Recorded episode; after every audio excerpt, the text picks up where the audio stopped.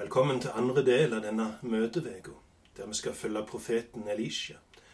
Han som trødde opp i skoene etter profeten Elia og videreførte tjenesten hans. I går så vi på forgjengeren, Elia, som sto ansikt til ansikt med kongen og alle balprestene hans og utfordra de til tvekamp på Karmelfjellet. Denne tvekampen endte med en overveldende demonstrasjon av Guds makt og av avgudene si vannmakt. Og etterpå sendte Gud regn over landet igjen etter ei lang tørketid. Elias så nok for seg at det skulle bli en stor vekkelse i landet nå. Men da dronning Jesabel slengte en drapstrussel imot han, flykta han, hals over hode, og han stoppet ikke før han kom til Guds fjell, Horeb. Der sto han ensom og motløs og klagde til Gud. Jeg er den eneste som er igjen. Jeg har vist brennende iver for Herren, allherrs Gud. For israelittene har sviket pakta di. Altera dine har de rivet ned, og profetene dine har de drept med sverd. Jeg er den eneste som er rett, og nå står de meg etter livet. Leser vi i første kongebok 19, vers 14. Men Elia var ikke alene igjen. Gud visste at det var 7000 som ikke hadde bøyd kne for Baal. Og Gud visste at i Abel med Hola gikk der en unge mann som var klar til å ta imot kall ifra Gud om å bli Elias sin etterfølger. Og så fikk profeten beskjed om å salve Elisha til profet etter seg. Vi kan lese første kongebok 19, vers 19-21. Elia drog bort fra Horeb og fant Elisha, sønnen til Shafat, som holdt på å pløgde. Tolv par okser gikk føre han, og sjølv følgde han det tolvte paret. Med det samme Elia gikk forbi, kasta han kappa si over han. Da let Elisha oksene gå, sprang etter Elia og sa, La meg først få kysse far og mor til avskil, så skal jeg følge deg. Elia svara, Gå, og kom så att, for du veit hva jeg har gjort med deg. Da vendte Elisha seg fra han.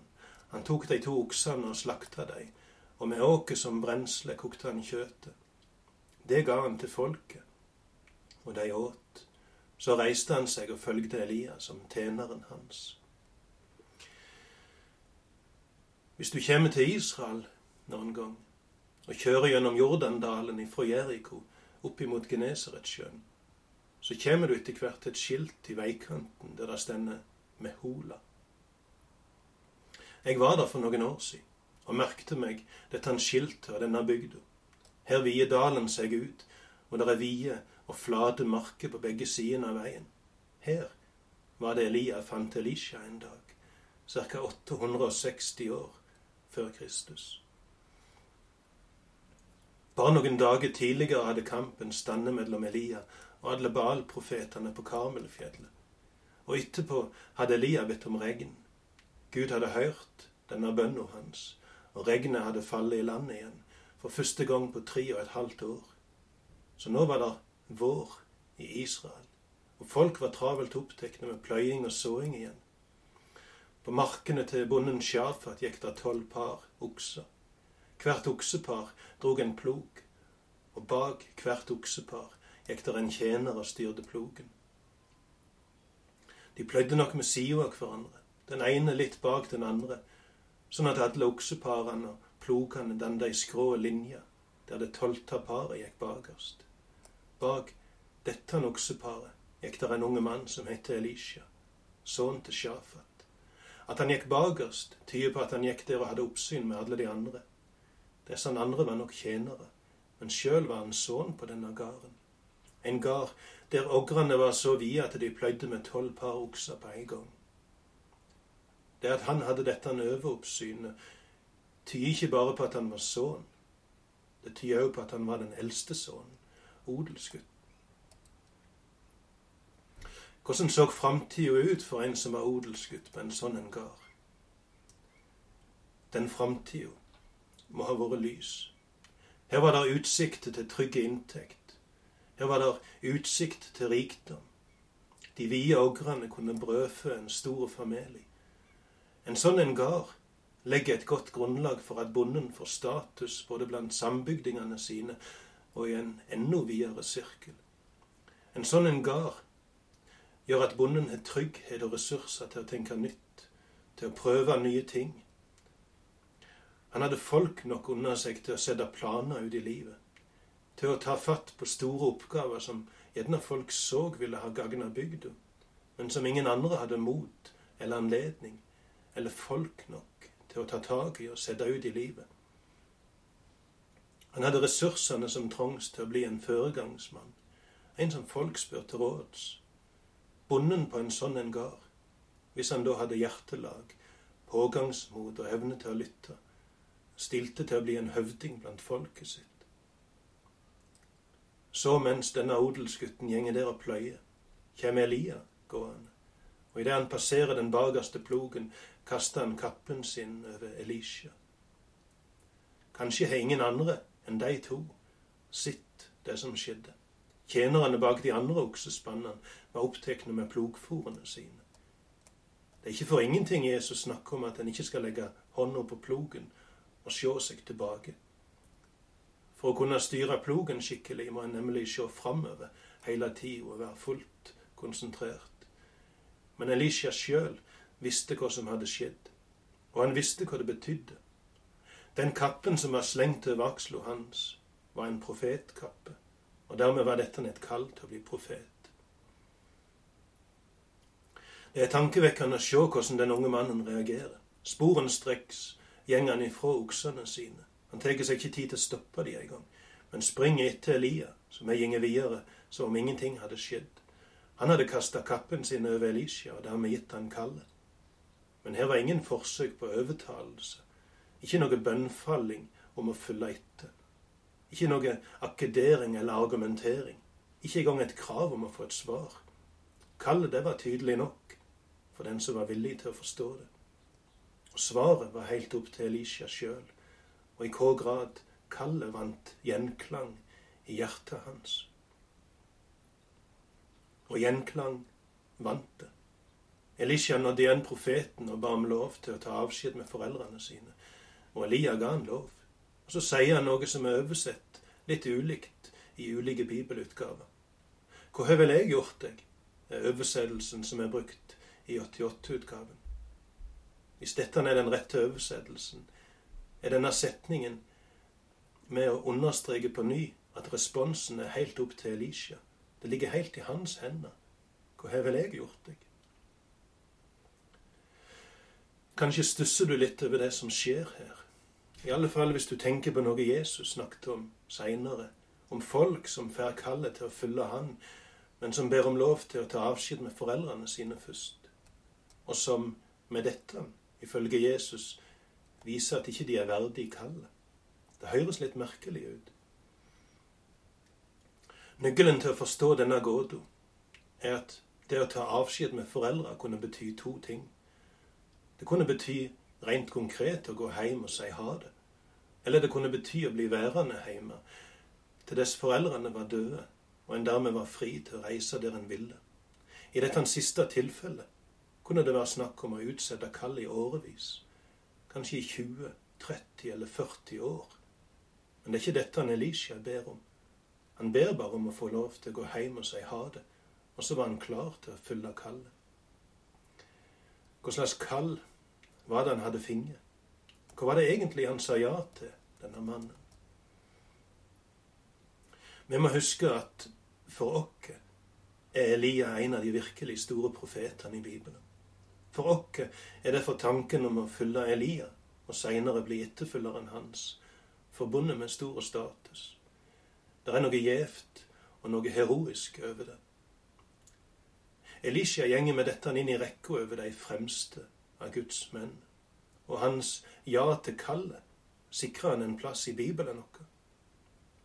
Men i profeten Elias i eia samtid har nok folks holdning til han vært litt forskjellig. Noen setter han selvsagt veldig høyt, men andre har helt sikkert hata han. Kanskje var det ingen mann i Israel som var hata så intenst som Elia. Han som hadde bedt om tørke og hungersnød, og på den måten var skyld i at folket og landet hadde lidd i tre og et halvt år. Og det var sikkert ikke alle som likte at han var så kompromissløs imot all avgudsdyrkelsen. En annen ting er at Elia var aleine.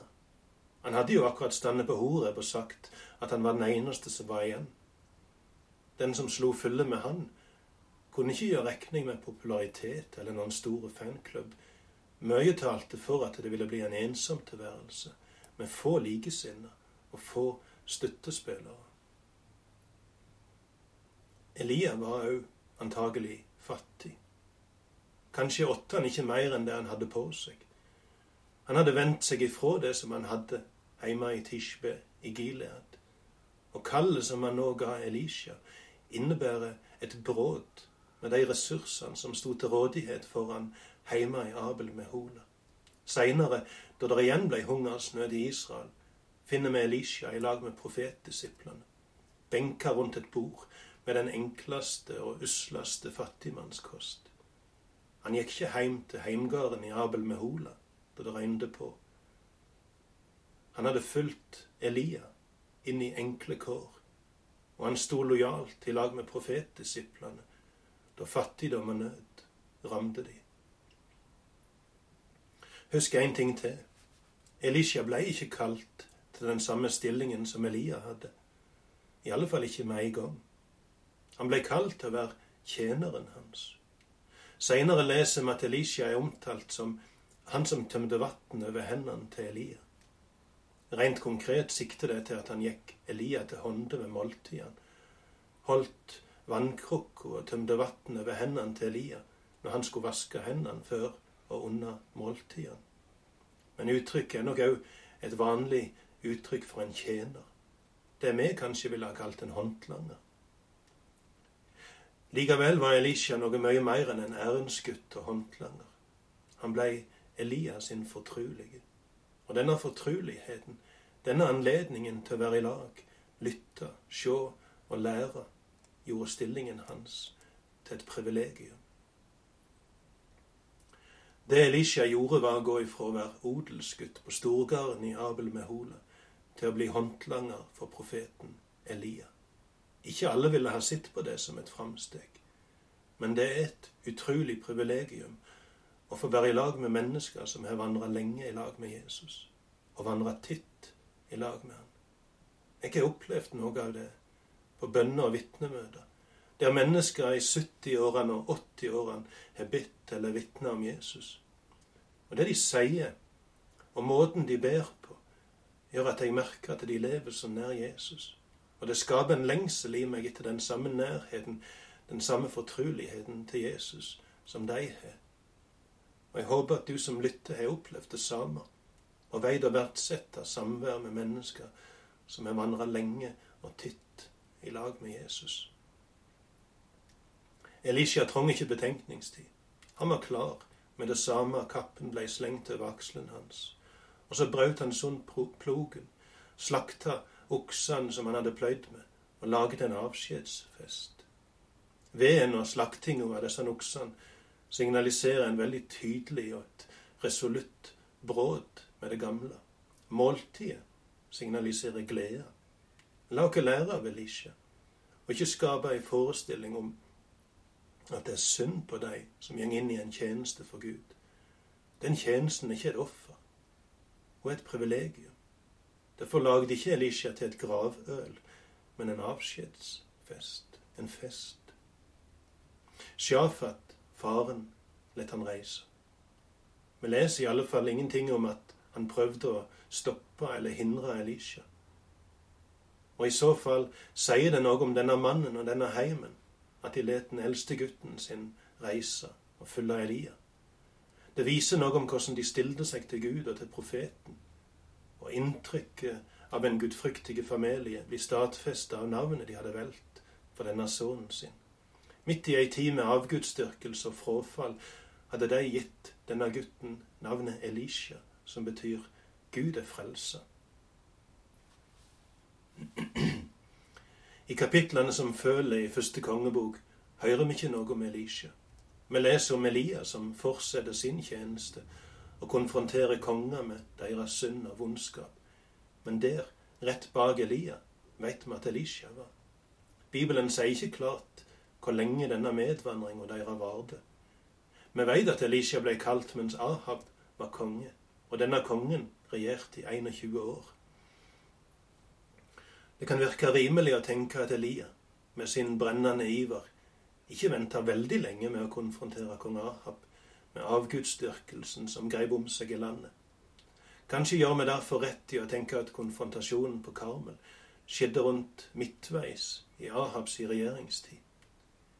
Videre ser vi, ut ifra det Bibelen forteller, at Elia ble henta til himmelen bare to-tre år etter at kong Ahab døde. Hvis det da er rett at tvekampen på Karmel og Elisha sitt kall kom om lag midtveis i Ahabs regjeringstid, så betyr det at Elisha og Elia fikk ei 10-15 år lange medvandring i lag. Denne medvandringa må ha gjort den ensomme gamle profeten godt. Og det må ha vært en uvurderlig læretid for den unge Elisha.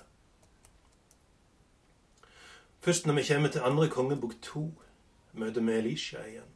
I fortellinga om hvordan Elia ble tatt opp til himmelen i ei elvogn. I forkant av denne hendelsen leser vi at Elia og Elisha vandrer fra Gilgal, via Betel, så til Jeriko, og derifra over Jordanelva. Noe som er påfallende, er at de både i Betel og Jeriko møter ei gruppe med profetdisipler. Dette tyder på at denne vandringa deres var som en avskjedsturné, der de besøkte flokker med profetdisipler både i Betel og i Jeriko. Dessuten er det grunn til å tro at det òg var en sånn flokk i Gilgal. Litt seinere, i kapittel fire, leser vi i alle fall om en sånn profetflokk i Gilgal. Ut ifra dette kan vi forstå noe viktig om hva Elia og Elisha hadde gjort i den tida de hadde i lag. Rett før Elisha ble kalt, sto Elia på Horeb og klagde sin nød til Gud. Jeg er aleine igjen. Men Gud sendte han til Elisha i Abel Mehola, og i lag med Elisha fikk han bruke resten av livet sitt på å grunnlegge tre bibelskoler. En i Gilgal, en i Betel og en i Jeriko. Dette må ha vært i tråd med Guds sjølåpenbaring på Horeb. Elia har gjerne tenkt at det skulle bli skikkelig action da Ellen hadde fallet fra himmelen på Karmelfjellet. Men Gud kommer til han og sier, 'Jeg arbeider helst i det stille'. Ifra Horeb gikk Elia til Abel med Hola, og i lag med Elisha bygde han opp bibelskole. Mon tro om ikke dette han sier noe om at Elia har skjønt hva Gud mente da han kom til profeten i ei stille susing. Jeg arbeider helst i det stille. Kanskje klageropet fra den dagen på Horeb-fjellet ringte i minne til den gamle profeten, der han gikk ifra den ene flokken av profetdisipler til den andre. I Jeriko alene var de over 50. Jeg er aleine igjen, hadde han sagt noen år tidligere. Men her, på dørstokken på vei ut av denne verden, fikk han se at han etterlot seg ikke bare en trufaste etterfølger, men tre bibelskolekull. Det var ei mørke tid i Israel, men Gud arbeidet i det stille. Mennesker ble berørt av ordet hans. Ungdommer samles for å høre undervisning og for å bli utrustet til tjeneste. Du er ikke aleine, Elia. Du er ikke aleine. La oss lese hva Bibelen sier om denne siste vandringa til profeten Elia.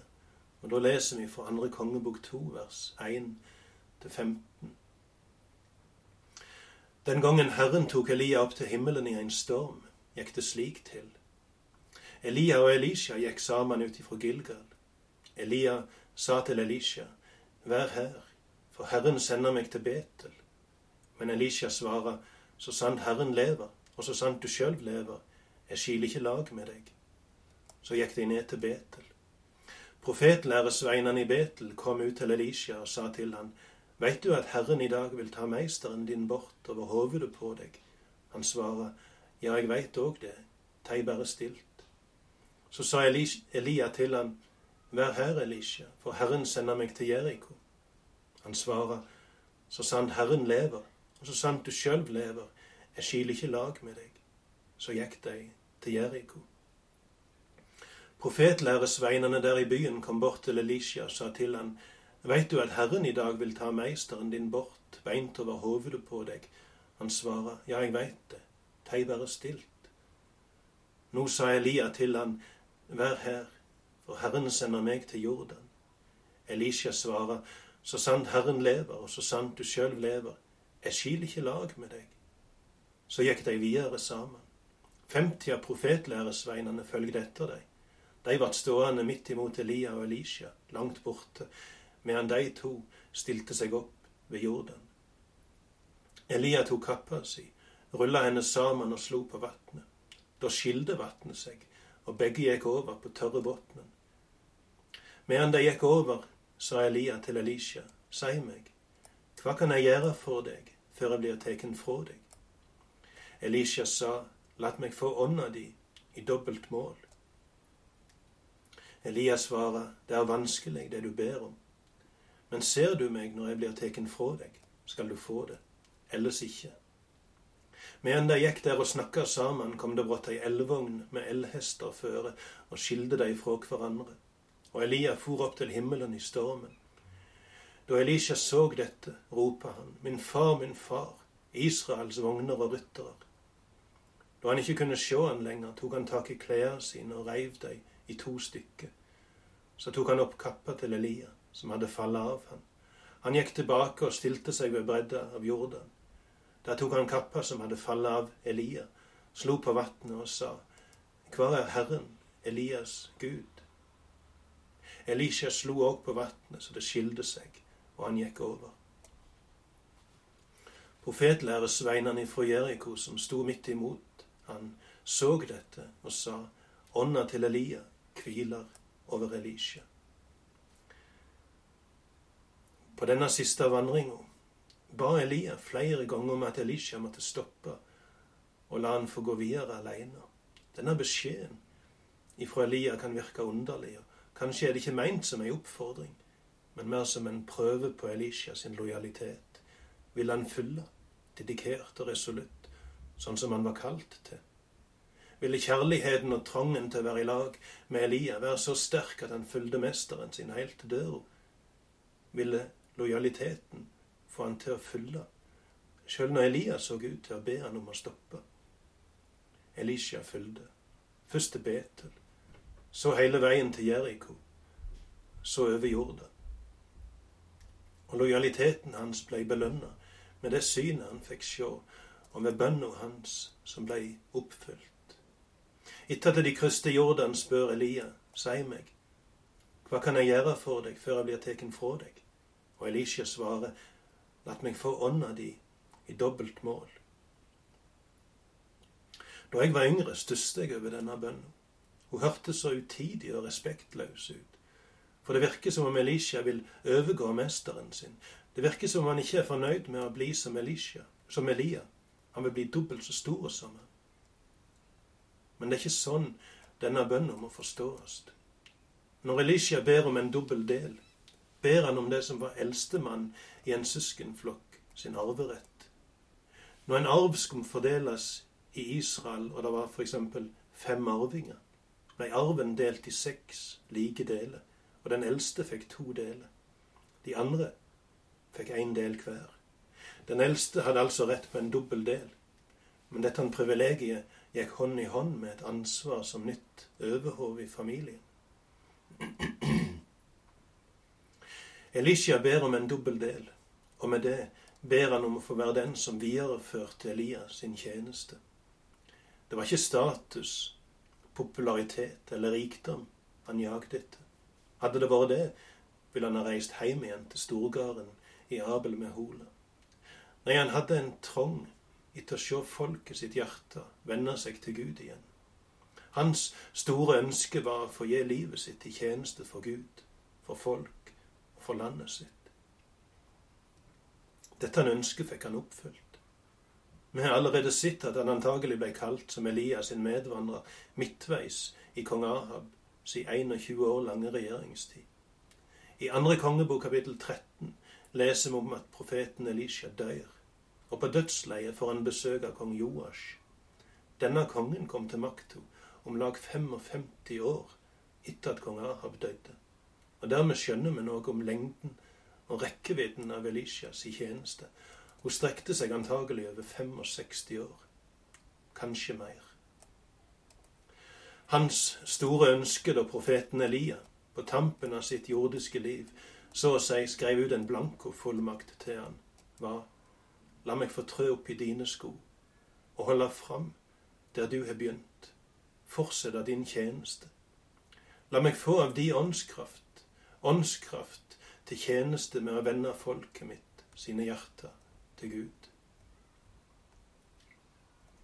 Mens de gikk der i lag på den andre sida av Jordan, kom det plutselig ei elvogn og elhester og henta Elia opp til himmelen. Elisha så det. Han forsto at nå ble mesteren hans tatt ifra han, og så ropa han etter han, min far, min far, Israels vogner og ryttere. Dette er et veldig merkelig uttrykk. Vogner og ryttere, eller vogner og hester, som det står i andre oversettelser, utgjorde den mest slagkraftige delen av et land sin militærmakt. Det Elisha dermed sier, er at denne enslige profeten, som nå var tatt opp til himmelen, hadde betydd mer for landet sitt forsvar enn kongen og hele hans hær. Dette må gjerne ses i sammenheng med 5. Mosebok 17, vers 16, der Gud forbyr kommende konger å skaffe seg mange hester. I dette forbudet ligger der innbakt et løfte om at Gud sjøl vil ta seg av folket sitt, hvis de setter sin lit til Han. Seinere konstaterer Bibelen at kong Salomo skaffte seg mange hester og vogner, og vi som leser, må sjøl kjenne Bibelen så godt at vi ser at det han gjorde, var gjort i ulydighet og vantru. Her utbryter Elisha noe som viser at han ser langt bort forbi det som er synlig for øynene våre. Han så åndskampen som landet var inne i. Han så hva det betydde for landet og folket at Elia ba for dem, talte Guds ord til dem, konfronterte synd og avgudsdyrkelse. Du, Elia, har vært Israel sine vogner og ryttere. Du er landet vårt sitt viktigste forsvar ser vi lenger enn øynene våre rekker? Har vi syn for hva det betyr, og hva det har betydd for landet vårt, at det er mennesker som ber, at Guds ord blir lest i kjerke, bedehus og heimer, og at så mange er døypte og gjenger til nattverd, og at mennesker ofrer av det de har, så nordmenn kan reise til andre land og folk og dele evangeliet. Det spørs om vi ikke skulle våge å tenke mye, mye større om hva det har betydd for landet vårt, sin fred og framgang, at Gud let si velsignelse komme over oss på grunn av de som ber og løfter fram Guds ord. Det er en uvante tanke, kanskje. Norge har avanserte våpensystem, slagkraftige skip og stridsvogner, en velutrusta hær, hos sine beste kampfly, topptrente elitesoldater. Men ut ifra det Elisha sier, må vi tenke at gamlemor og gamlefar, med hendene sine foldet over en åpen bibel, med kjøkkenbordet eller i ovnskrona, i bønn for land og folk, de gjør mer for fred og trygghet i Norge enn hele hæren og luftforsvaret og sjøforsvaret. Det er en uvante tanke, men kanskje en tanke vi gjør vel i å tenke, og en tanke som kan spore oss til å be enda mer, og enda mer inderlig for landet og folket vårt. Elia ble henta til himmelen. Tjenesten hans var slutt nå. Idet vogna forlot perrongen, let den gamle profeten kamelhårskappen sin falle. Det var profetkappen hans. Symbolet på tjenesten han hadde hatt, og Elisha tok denne kappen opp. Med det markerer han at han tar over tjenesten til forgjengeren sin. Eller som vi billedlig har uttrykt det i disse andaktene. Han trør opp i Elias sine tomme sko. For Elisha gikk veien tilbake til Jordanelva. Tidligere på dagen hadde de gått torskodd over her, etter at Elia hadde sleiet på vannet med kappen sin. Elver har til alle tider markert ei grense, fordi det er så vanskelig å krysse de. Og Derfor har elva mange ganger vært et bilde på døden. Elia hadde rullet i hop kappen sin og sleiet på vannet, som om han sa, Vekk med deg, jeg skal øve. Vi òg har ei kappe, Jesu egen rettferdskappe, og med den kan vi en dag få møte døden med den samme resolutte holdninga som Elia. Vekk med deg, jeg skal øve, jeg skal inn i landet på den andre sida. Samtidig kan elva stå som et symbol på uoverstigelige hindringer og utfordringer. Hvordan i all verden skal jeg komme forbi? For Elisha var Jordanelva ei sånn utfordring. Han hadde kryssa denne elva tidligere på dagen, men da var han i lag med Elia. Nå står Elisha her aleine med den samme elva. Denne gangen kan han ikke støtte seg på den gamle profeten. Nå er det han sjøl som må gjøre noe. Han ruller i hop Elias sin kappe, sånn som han hadde sett mesteren gjøre i stad. Og han slærer på vannet, sånn som Elia hadde gjort. Men legg merke til det han sier. Hvor er Herren, Elias Gud? Han spør ikke hvor er Elia, men hvor er Elias sin Gud? Elisha visste at ikke det handla om Elia, og det handla ikke om Elias sin kappe. Derimot handla det om Elias sin Gud. Sånn er det for oss òg. Når vi stender overfor de store utfordringene i livet vårt, de store testene, de store prøvene Når vi møter motgang og umulige oppgaver, da kan vi si som Elisha Hvor er Elia sin Gud? Vi, sånn som han, sakner nok de som er reist ifra oss. Ikke bare savner av de som personer, men savner å kunne støtte oss til dem. Vi savner høvdinger som kunne stå samlende i stormene. Vi savner visdommen hos de gamle. Vi føler oss små, usikre og famlende når det er vi sjøl som skal si noe, gjøre noe, være de som tar avgjørelser. Men vi kan lære av Elisha. Det handler ikke om den gamle som er reist. Det handler ikke om de store navnene, om høvdingene. Det handler ikke om Elia eller Elisha, eller for å nevne høvdinger fra hva eget land. Det handler ikke om Wisløff eller Hope, om eh, Marie Monsen eller om Tormod Vågen. Det handler om den Gud disse han tjente. Og han er med oss ennå.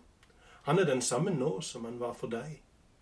Derfor kan vi rulle i hop kappen deres og si Hvor er Herren, Elias sin Gud? Og så skal vi se at okka Jordan òg åpner seg, og vi kan gå over.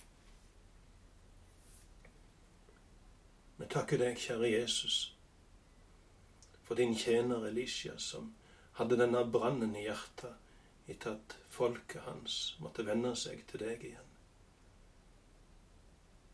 Vi takker for at han hadde dette som sitt store ønske, sitt store mål for livet. Og så fikk du brukt han. Han gikk rundt og gjorde vel, ser vi seinere når vi leser om Elisha. Og så tror vi at du kan bruke oss òg, for det, det, handler ikke om Elia, og det handler ikke om Elisha, men det handler om deg. Og vi ber om at du må så den samme lengselen i oss etter å se folket vårt og landet vårt vende, seg til deg. Vi ber om at du må gi oss den samme frimodigheten og den samme tro og den samme tilliten til deg som det Elisha hadde. Han så at det var deg det handla om. Han så at et menneske som ber, betyr ufattelig mye.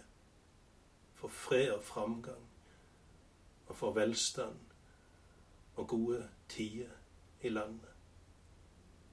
La det spore oss til bønn for landet vårt, Jesus. La det spore oss til bønn for folk. Og la oss gjøre sånn som Elisha. Trø opp i de tomme, ledige skoene og gi livet og kreftene og tida vår i tjeneste for deg og for folket.